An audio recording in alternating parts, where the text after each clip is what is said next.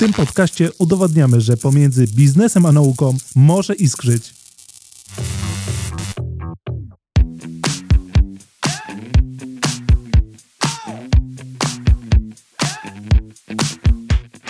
Transformacja energetyczna, szok cenowy, nowy zielony ład to kilka wraz, które zagościły w polskich mediach, a może i w polskich domach od wielu, wielu miesięcy i mają związek oczywiście z energetyką.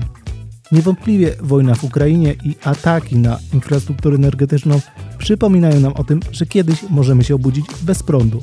Co prawda dzisiaj bardziej stresują nas podwyżki gazu i prądu, ale nie wiemy co przyniesie przyszłość.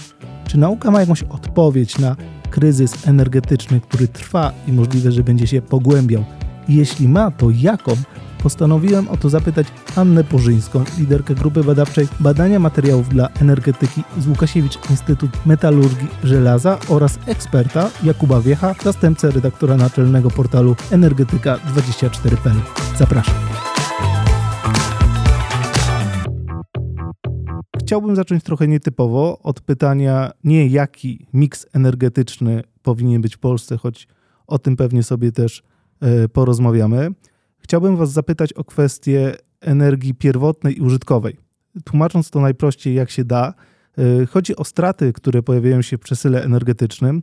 Przygotowując się do tego podcastu, sprawdziłem, jaki procent energii trafia do końcowego użytkownika w zależności od tego, e, z jakiego źródła energii korzystamy.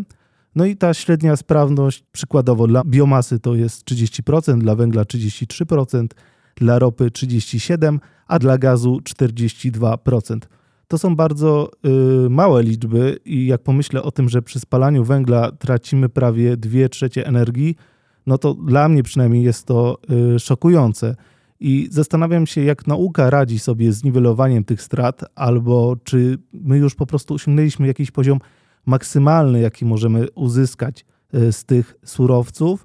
No i ta sprawność jest po prostu już y, na poziomie takim, mm, że już więcej nie przeskoczymy. Y, może zaczniemy od Hanny Purzyńskiej. Bardzo trudne pytanie na samym początku naszego spotkania, ale myślę, że cała transformacja energetyczna jest bardzo trudnym pytaniem. I bardzo się cieszę, że takie tematy podejmujemy i że w ostatnim czasie, chociaż może mi się wydaje, że troszeczkę za późno, powinniśmy się tą transformacją energetyczną zająć dużo wcześniej. Myślę, że na pewno jest to dużym problemem, to co powiedziałeś, te straty, mm, te straty energetyczne. Natomiast hmm, cały czas pracujemy i, i dążymy do tego, żeby tą sprawność e, jak najbardziej e, poprawiać, tak, zwiększać. E, ja się zajmuję głównie materiałami dla energetyki, więc powiem, że tutaj bardzo dużym ograniczeniem i, i myślę, że Jakub może będzie więcej na ten temat mówił, jeśli chodzi o może technologię, a ja tu się skupię na samym materiale. Ten materiał nas niestety ogranicza. Mm, ja się śmieję właśnie, że my bardzo jesteśmy zawsze tam, gdzie nowe technologie energetyczne powstają, gdzie staramy się coś y, zrobić nowego, natomiast my jako materiałoznawcy zawsze mówimy, no hola, hola, ale ten materiał musi to wszystko wytrzymać. To może teraz Kuba Wiech z tej perspektywy bardziej technologii niż y, samych materiałów. Jeżeli chodzi o perspektywę technologii czy y, perspektywę inżynieryjną, no tutaj musimy pamiętać, że przemiana energii y, z jednego jej nośnika na inną jej formę zawsze będzie się wiązała z jakąś stratą y, i myślę, że tutaj no, nigdy nie dojdziemy do takiego poziomu rozwoju technologicznego, bo to jest fizycznie niemożliwe, żebyśmy mieli bezstratne mm, urządzenia służące do, do zamiany jednej formy energii w drugą, bo to, co robimy w energetyce, to jest właśnie zamiana jednej formy, formy energii w, w inne. Natomiast to, o co nam, myślę, chodzi w transformacji energetycznej, to do czego dążymy, to jest stan, w którym będziemy w stanie wytwarzać tyle energii e, przy tak niskim koszcie środowiskowym, żeby z jednej strony starczyło jej dla wszystkich, pomimo tych strat, które są generowane procesie jej transformacji e, i jednocześnie, żeby ten proces nie był zagrożeniem na przykład dla środowiska czy klimatu. To jest cel, do którego powinniśmy dążyć. To jest cel, e, który myślę jest dobrze zaszyty w modelach transformacji energetycznej, e, które teraz wdrażamy. Dlatego chociażby zmieniamy nasz system elektroenergetyczny w kierunku rozwoju źródeł odnawialnych oraz źródeł jądrowych, czyli mocy, które no, praktycznie nie wytwarzają śladu węglowego podczas swojej pracy. Oczywiście tam y, są wyliczone pewne emisje, które wynikają na przykład z konieczności wytworzenia materiałów budowlanych potrzebnych pod budowę turbin wiatrowych czy reaktorów jądrowych. Natomiast y, w, radzimy sobie po prostu z minimalizowaniem tego problemu, jakim jest strata, ta nazwijmy to transformacyjna w przypadku energii, y, poprzez zapewnianie jej bardzo wysokiej podaży. I to jest myślę, że narzędzie do radzenia sobie z tą sytuacją. Okej, okay. czyli możemy podejmować jakieś działania, natomiast trudno sobie wyobrazić świat y, przyszłości, w którym tych strat nie będzie w wyniku używania tych materiałów, albo będą one minimalne na poziomie kilku procent. Tak jak powiedział Jakub, ja się tutaj zgadzam. No, te straty i tak i tak zawsze będą, niezależnie od tego, jaki miks przyszłości energetyczny stworzymy. Y, natomiast należy dążyć do tego, żeby, żeby był on faktycznie. E, jak najlepszy i przy jak najmniejszych stratach y, energetycznych. Okej, okay, to może teraz trochę bardziej o tym y, miksie energetycznym. E, spotkałem się z taką z takim pojęciem trochę złośliwym, ale wydaje mi się, że gdzieś tam popularnym w tej branży energetycznej, jak religia OZE, to znaczy w taki sposób się określa kogoś, kto uważa, że w stanie 100% korzystać z odnawialnych źródeł energii dane państwo. No i ta, te pojęcie ma jakby dezawuować to, że że to jest podejście para, można powiedzieć, religijne, jakieś doktrynalne, no bo oczywistym jest fakt, że gdzieś tam istnieją jakieś dla odnawialnych źródeł energii ograniczenia związane właśnie z ukształtowaniem geograficznym państwa, tak, czy z występowaniem jakichś zjawisk atmosferycznych, które wpływają na funkcjonowanie tych odnawialnych y, źródeł energii. Jeszcze tutaj jeden temat a propos OZE wrzuciłbym wam do, y, do tego, zanim y, się wypowiecie to jest kwestia y, recyklingu tych użytkowych materiałów, y, na przykład wycofanych z eksploatacji elektrowni wiatrowych.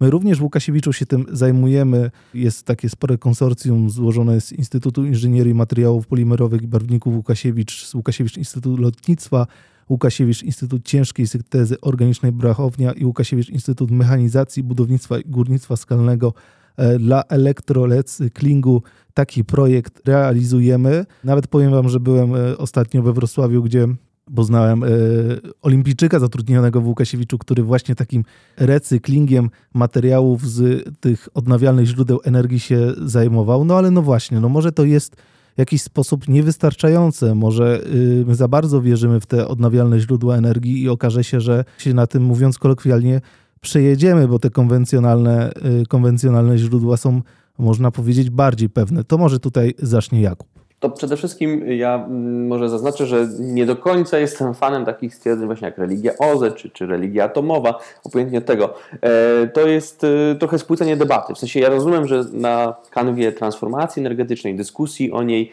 wyrosło wiele takich powiedzmy fanatyzmów, natomiast to jest też pewnego rodzaju wydźwięk e, moim zdaniem potrzeb społecznych związanych z, ze zmianą mm, tego, co mm, rozumiemy jako sektor energetyczny nie negując pewnego radykalizmu, który stoi za ich zwolennikami, jakby trzymam się tutaj pewnej oceny ich postulatów i, i nie chcę wykraczać poza e, taką mm, warstwę analizy e, powiedzmy merytorycznej. Jeżeli mamy spojrzeć na to, jak wygląda nasza transformacja energetyczna, w, którym kierunku ma pójść i jakimi środkami chcemy ją osiągnąć, to myślę, że kluczowe dla zrozumienia roli poszczególnych elementów tej układanki jest to, żebyśmy wiedzieli, iż jest to proces szalenie kompleksowy. To znaczy, to nie jest tak, że mamy jedną technologię, która jest takim deus ex machina, który po prostu rozwiąże nam wszystkie możliwe problemy energetyczne. Nie, tak nie będzie na pewno.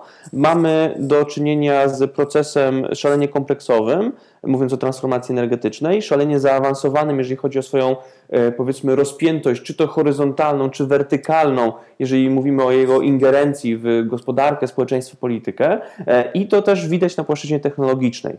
Takie rozwiązania jak e, źródła odnawialne, obojętnie czy mówimy tutaj o fotowoltaice, energetyce wiatrowej, biomasie, która moim zdaniem jest takim średnim źródłem odnawialnym, czy hydroenergetyce, e, to są tylko części tej gigantycznej układanki. Do tego trzeba dołożyć na przykład energetykę jądrową, do tego trzeba dołożyć e, efektywność energetyczną, magazynowanie energii, usługi typu demand side response, bardzo wiele różnych elementów, które umożliwią nam przepchnięcie tego wagonika energetycznego do przodu w kierunku, który jest postulowany przez polityki klimatyczne.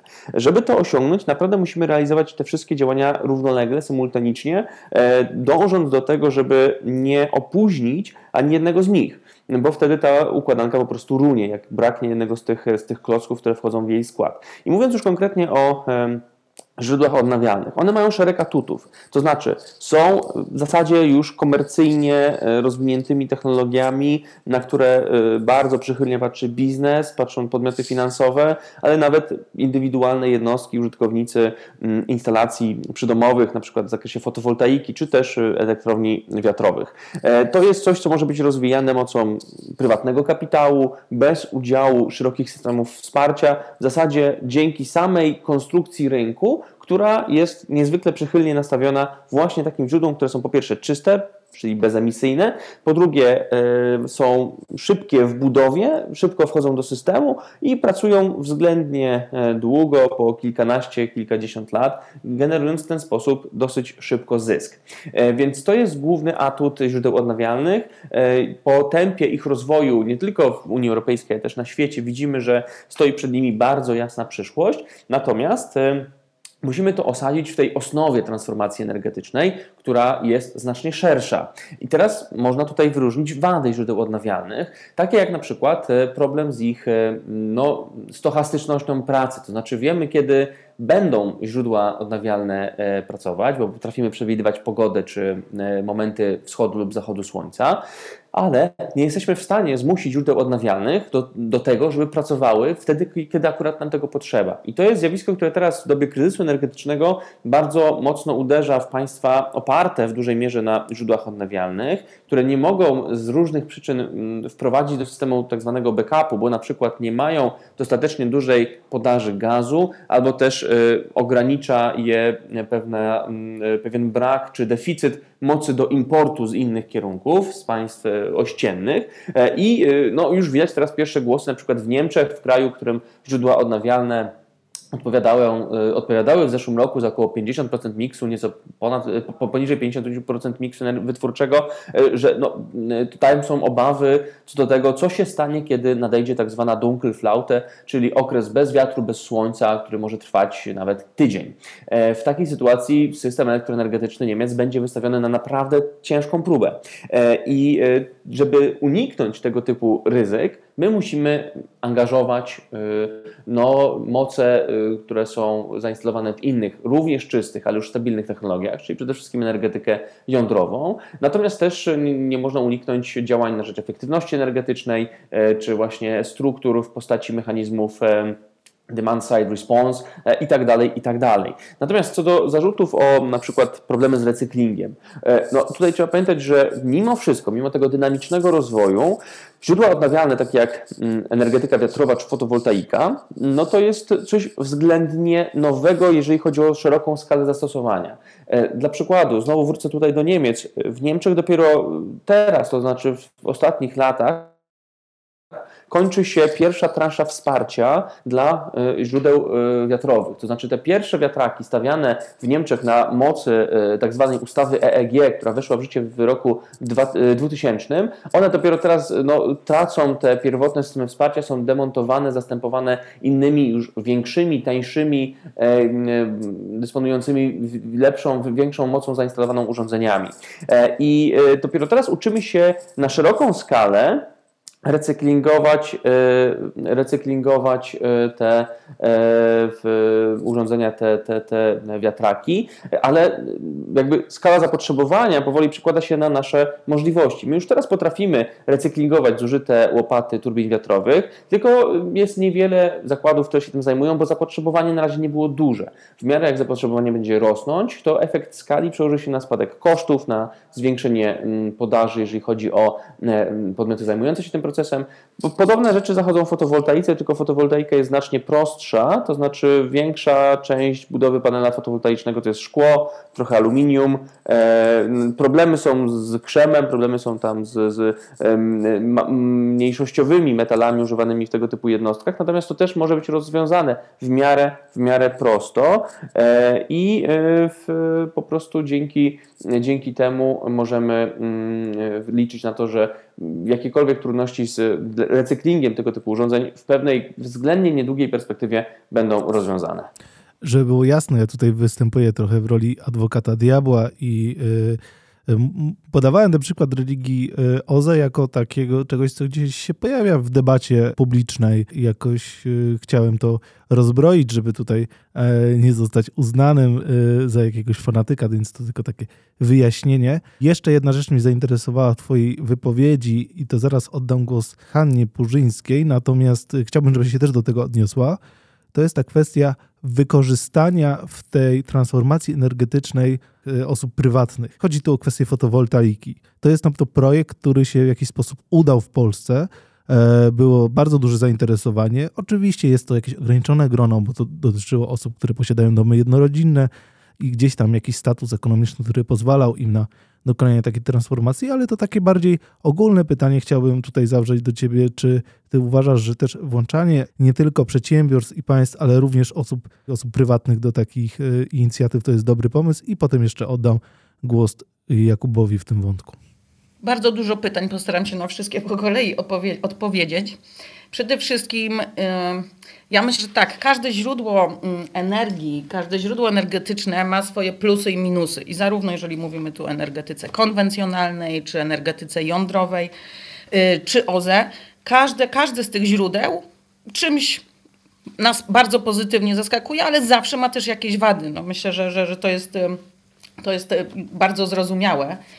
Y, I wydaje mi się, że tutaj ta transformacja nasza energetyczna musi się opierać przede wszystkim na tej dywersyfikacji źródeł energii. Czyli kiedyś usłyszałam bardzo piękne słowa i, i myślę, że one tu tak bardzo, mm, bardzo fajnie oddają przyszłość naszego bezpieczeństwa energetycznego, żebyśmy nigdy w życiu nie popełnili już takiego błędu, że nasze bezpieczeństwo energetyczne opierać się będzie o jedno takie główne źródło energii. Tak? Czyli w naszym przypadku do tej pory to był, e, to był nasz, nasz nasz ten węgiel, tak, teraz już y, bardzo, bardzo, bardzo zły węgiel, bardzo brudny i czarny. I ja myślę, że tutaj połączenie i umiejętne dopasowanie całego tego miksu energetycznego, czyli wykorzystane, wy, wykorzystanie naszych warunków tak samo, żebyśmy mogli produkować energię z OZE, tak? czyli y, wiatr na morzu, wiatr na lądzie, czy słońce, y, czy właśnie fotowol, fotowoltaika nawet w takich małych tak, naszych tu gospodarstwach domowych, w połączeniu z jakimś takim stabilnym źródłem energii, czy to będzie energetyka jądrowa, czy to będzie energetyka, e, na przykład e, tak, elektrownie gazowe, które będą nam e, pomagały uzupełnić w momencie, w którym OZE nie będzie w stanie nam zapewnić dostaw tej energii, będą mogły występować w tej swojej roli takiej regulacyjnej. E, czy jak do tej pory teraz musi to nastąpić w ciągu najbliższych chyba 15 lat, będziemy musieli jednak dalej wykorzystywać e, te nasze e, nieco już przestarzałe kotły energetyczne, którym już nadajemy kolejny raz kolejne życie i chcemy ich teraz po prostu tak spowodować, że na emeryturze będą musiały działać najbardziej dynamicznie. To to wszystko razem spowoduje, że, że ten miks energetyczny gdzieś w Polsce powinien być stabilny, silny i, Y, y, i zapewnić nam w przyszłości, y, w przyszłości bezpieczeństwo. Kuba też wspomniał o magazynach energii. Ja też myślę, że to jest bardzo istotne i tutaj patrząc i, i, odnosząc się do pytania, jakie mi zadałeś odnośnie takich małych naszych przydomowych tak, instalacji fotowoltaicznych. Ja myślę, że to wszystko ma sens, że powinniśmy brać też pod uwagę, że, że istnieją takie możliwości, z tym, że właśnie jeszcze chyba jest taki duży u nas problem z magazynowaniem tej energii. I myślę, że tutaj też jako, jako, jako naukowcy musimy się skupić na tym, żeby szukać e, dobrych rozwiązań i, i, i wprowadzać je e, do naszego systemu energetycznego. Trochę nawiązując do tego tematu, bo wiem, że e, w Łukasiewicz IMZ był taki projekt realizowany z programu NCBR bloki 200 i tu nie chodziło o kwestie mieszkaniowe, tylko właśnie o bloki energetyczne. Jakbyś nam powiedziała, w jaki sposób ten wasz projekt mógł wpływać na sytuację wypracowania bardziej stabilnych źródeł dostępu do energii, bo to jest trochę ten temat, o którym mówił Kuba w przypadku. Yy, nie zapamiętałem tej niemieckiej e, nazwy, którą podałeś, ale chodziło o, o sytuację, w której przez tydzień nie ma, e, nie ma wiatru e, albo innych zjawisk atmosferycznych, które napędzają OZE i rozumiem, że ten wasz projekt ma zapewniać właśnie stabilność w przypadku takiego miksu energetycznego, który, który jest oparty o, o różne źródła energii. Chyba, że to źle zrozumiałem, to możesz mnie tutaj poprawić. Myślę, że dobrze zrozumiałeś całe założenia tego programu. Ten program on był mm, ogłoszony przez NCBR, NCBR już jakiś czas temu i miał on za zadanie właśnie, był w tej pierwszej takiej nowej formule, był skierowany do przedsiębiorstw, które stworzyły konsorcja i potrafiłyby wspólnie, i mi się wydaje, że tu bardzo ładnie pokazaliśmy, że potrafimy łączyć, co jest naszym motto Łukasiewiczowym, naukę z biznesem, i przy współpracy bardzo szerokiego grona i naukowców, i energetyków, i użytkowników, tak, y, i właścicieli elektrowni, stworzyć takie rozwiązania, które umożliwiłyby, żeby jeszcze przez najbliższy czas te bloki nasze, te, które już mają przekroczony ponad trzykrotnie czas obliczeniowy, wykorzystywać właśnie w sytuacjach, kiedy OZE, tak, albo kiedy nie będziemy mogli, mm, kiedy, kiedy będziemy mieć tutaj braki, y, y, braki w dostawach energii. Y, czyli jeszcze im przedłużamy troszkę życie, ale przedłużamy w taki sposób, że zmieniamy troszkę ich system pracy. One były stworzone do pracy w podstawie systemu, te bloki, tak? One w latach 70. były budowane. Przez lata przez nas bardzo dobrze odbywała się na nich diagnostyka, więc po 100 tysiącach godzin przedłużaliśmy im życie na 200 tysięcy godzin, a na chwilę obecną także i mamy y, na te 300 tysięcy godzin y, i jeszcze spowodować, żeby mm, one y, pracowały w tym systemie mm, regulacyjnym. I takie, takie, takie te założenia były takie programu i trzy, trzy takie zespoły, trzy konsorcja, udało się trzem konsorcjom opracować bardzo dobre rozwiązania. Na chwilę obecną konkurs jest ten już zakończony, no i odbywa się faza mm, wdrażania, czyli te nasze pomysły musimy sprzedać do naszych y, elektrowni, tych naszych bloków 200 MW, aczkolwiek rozwiązania te można też stosować do bloków o mm, wyższej, klasie, wyższej klasy, tak, czyli 500 MW, tak aby one zapewniły nam to bezpieczeństwo w trakcie tej transformacji energetycznej, którą na chwilę obecną przechodzimy, tak? Bo, bo, bo tych, tych obaw i, i, i myślę, że, że problemów przy tej transformacji może być y, naprawdę dużo, a musimy mieć to stabilne także y, źródło, które będzie nam pomagało y, y, opracowywać te nowe technologie. No, w Łukasiewiczu mamy niesamowitych, fantastycznych naukowców, którzy myślę, że dzień i noc bardzo chętnie by chcieli pracować nad nowymi rozwiązaniami mm, dla energetyki, natomiast muszą mieć na czym pracować, czyli musi być to bezpieczeństwo zapewnione, żebyśmy mogli tworzyć nowe pomysły i nowe rozwiązania. No i na chwilę obecną jeszcze mogę tak powiedzieć, że parę lat temu na konferencjach, czy Jakub miałeś podobnie, przynajmniej dwa lata temu, o węglu się nie mówiło nic, o tych blokach się nie mówiło. To był temat po prostu tabu. Jak ktoś powiedział węgiel, to wszyscy mówili, Jezu, no przecież to już jest dawna przeszłość.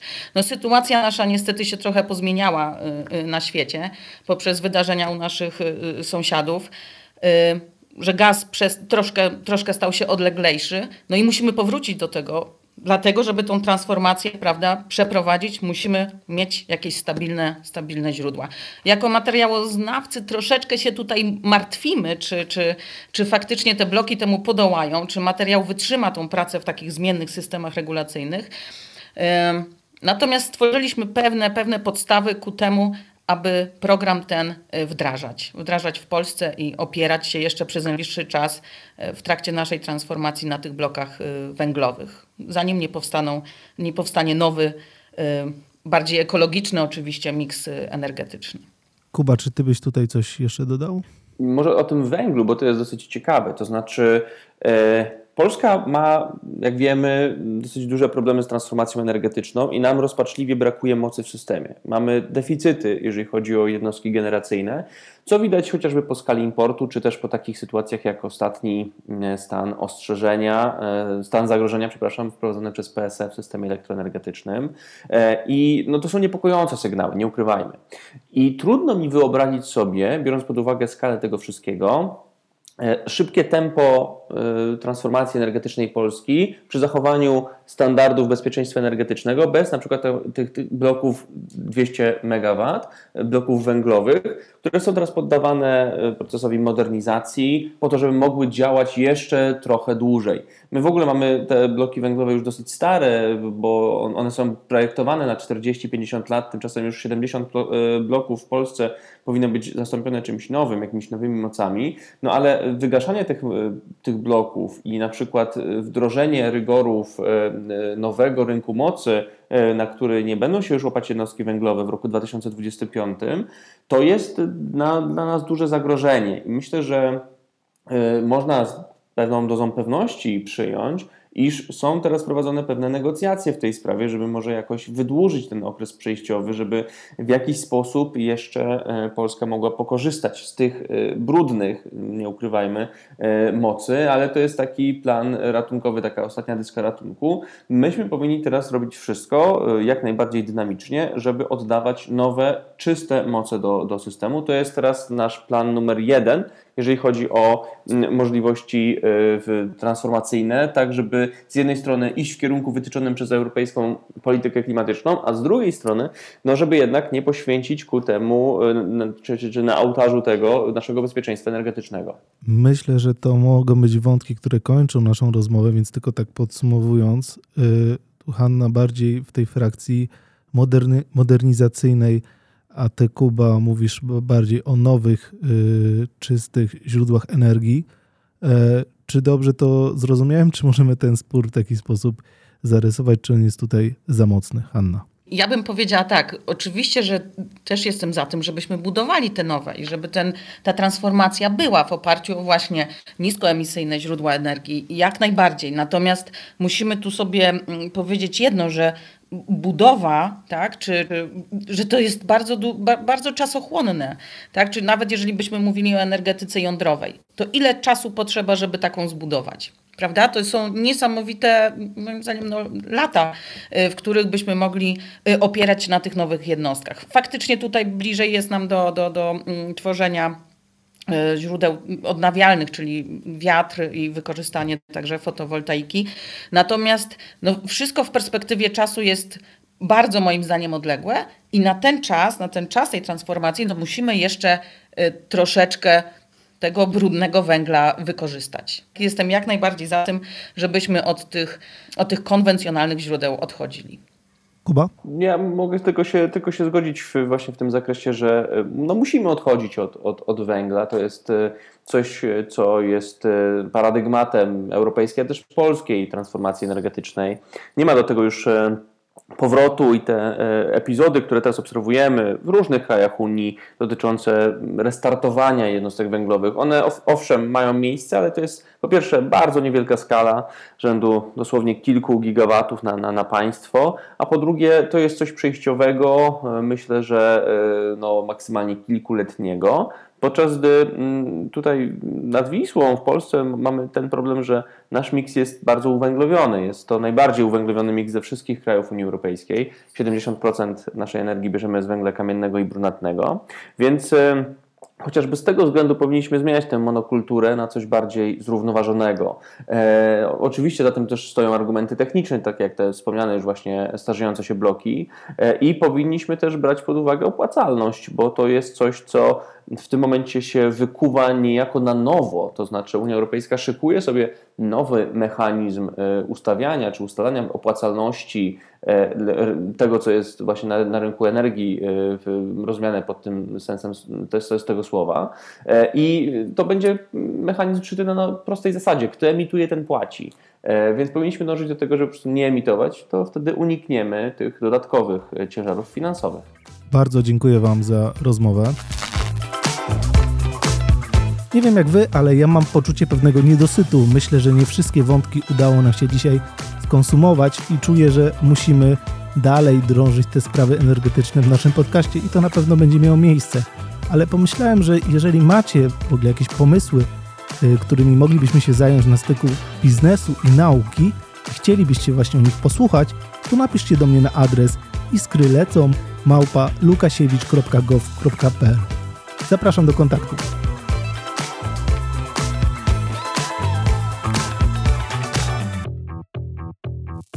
W tym podcaście udowadniamy, że pomiędzy biznesem a nauką może iskrzyć.